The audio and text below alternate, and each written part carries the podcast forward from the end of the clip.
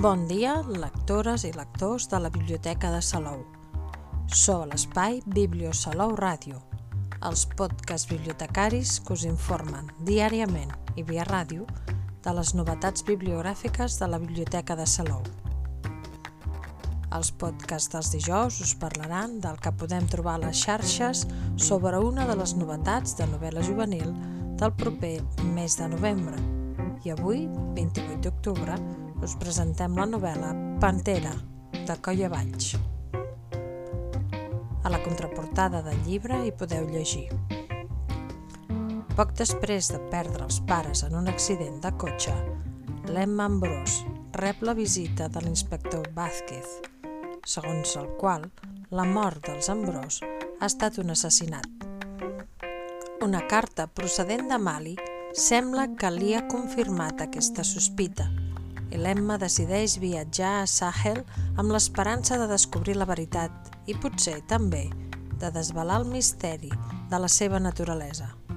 Perquè l'Emma té un secret.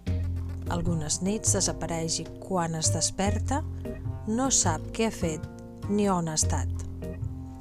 Colla Valls ens fa viatjar des de Salamanca fins a l'Àfrica més fascinant per explorar el mite de la dona pantera. L'escriptora Colla Valls explora el mite de la dona pantera en la seva nova novel·la en què presenta l'Enma, una noia forta que decideix per si mateixa. Pantera és una història d'aventures i intrigues que, a més a més, trenca amb els rols tradicionals de gènere i submissió femenina. L'Enma recorre el periple de l'heroïna, tal com ho feu Odisseu en el clàssic grec. Els diferents obstacles, proves i reptes amb què es troben al camí l'ajudaran a créixer i a tornar al món ordinari havent après una lliçó ben valuosa. La pantera, símbol d'allò salvatge i obscur, s'ha associat sovint a la figura de la dona a la literatura i al cinema.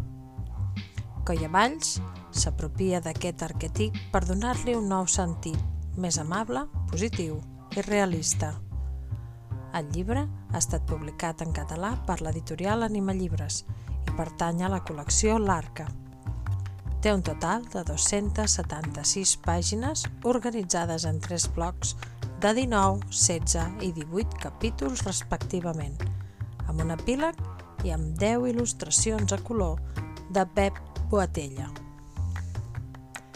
Cada capítol s'inicia amb una cita i, segons l'autora, aquesta novel·la ha estat escrita amb molt de temps i fa molt de temps, i volia que cada un dels capítols l'encapçalés una situació que donés la temperatura i al mateix temps revisitar la literatura que jo estimo, així com donar-la a conèixer.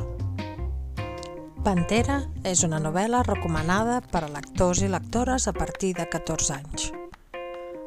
A Argus, el catàleg de la xarxa de biblioteques públiques de Catalunya, hi trobareu Pantera i tots els llibres anteriors de l'autora, Amors prohibits, Els camins de la llum, La cuinera, Etèria, etc. Colla Valls és escriptora i actriu.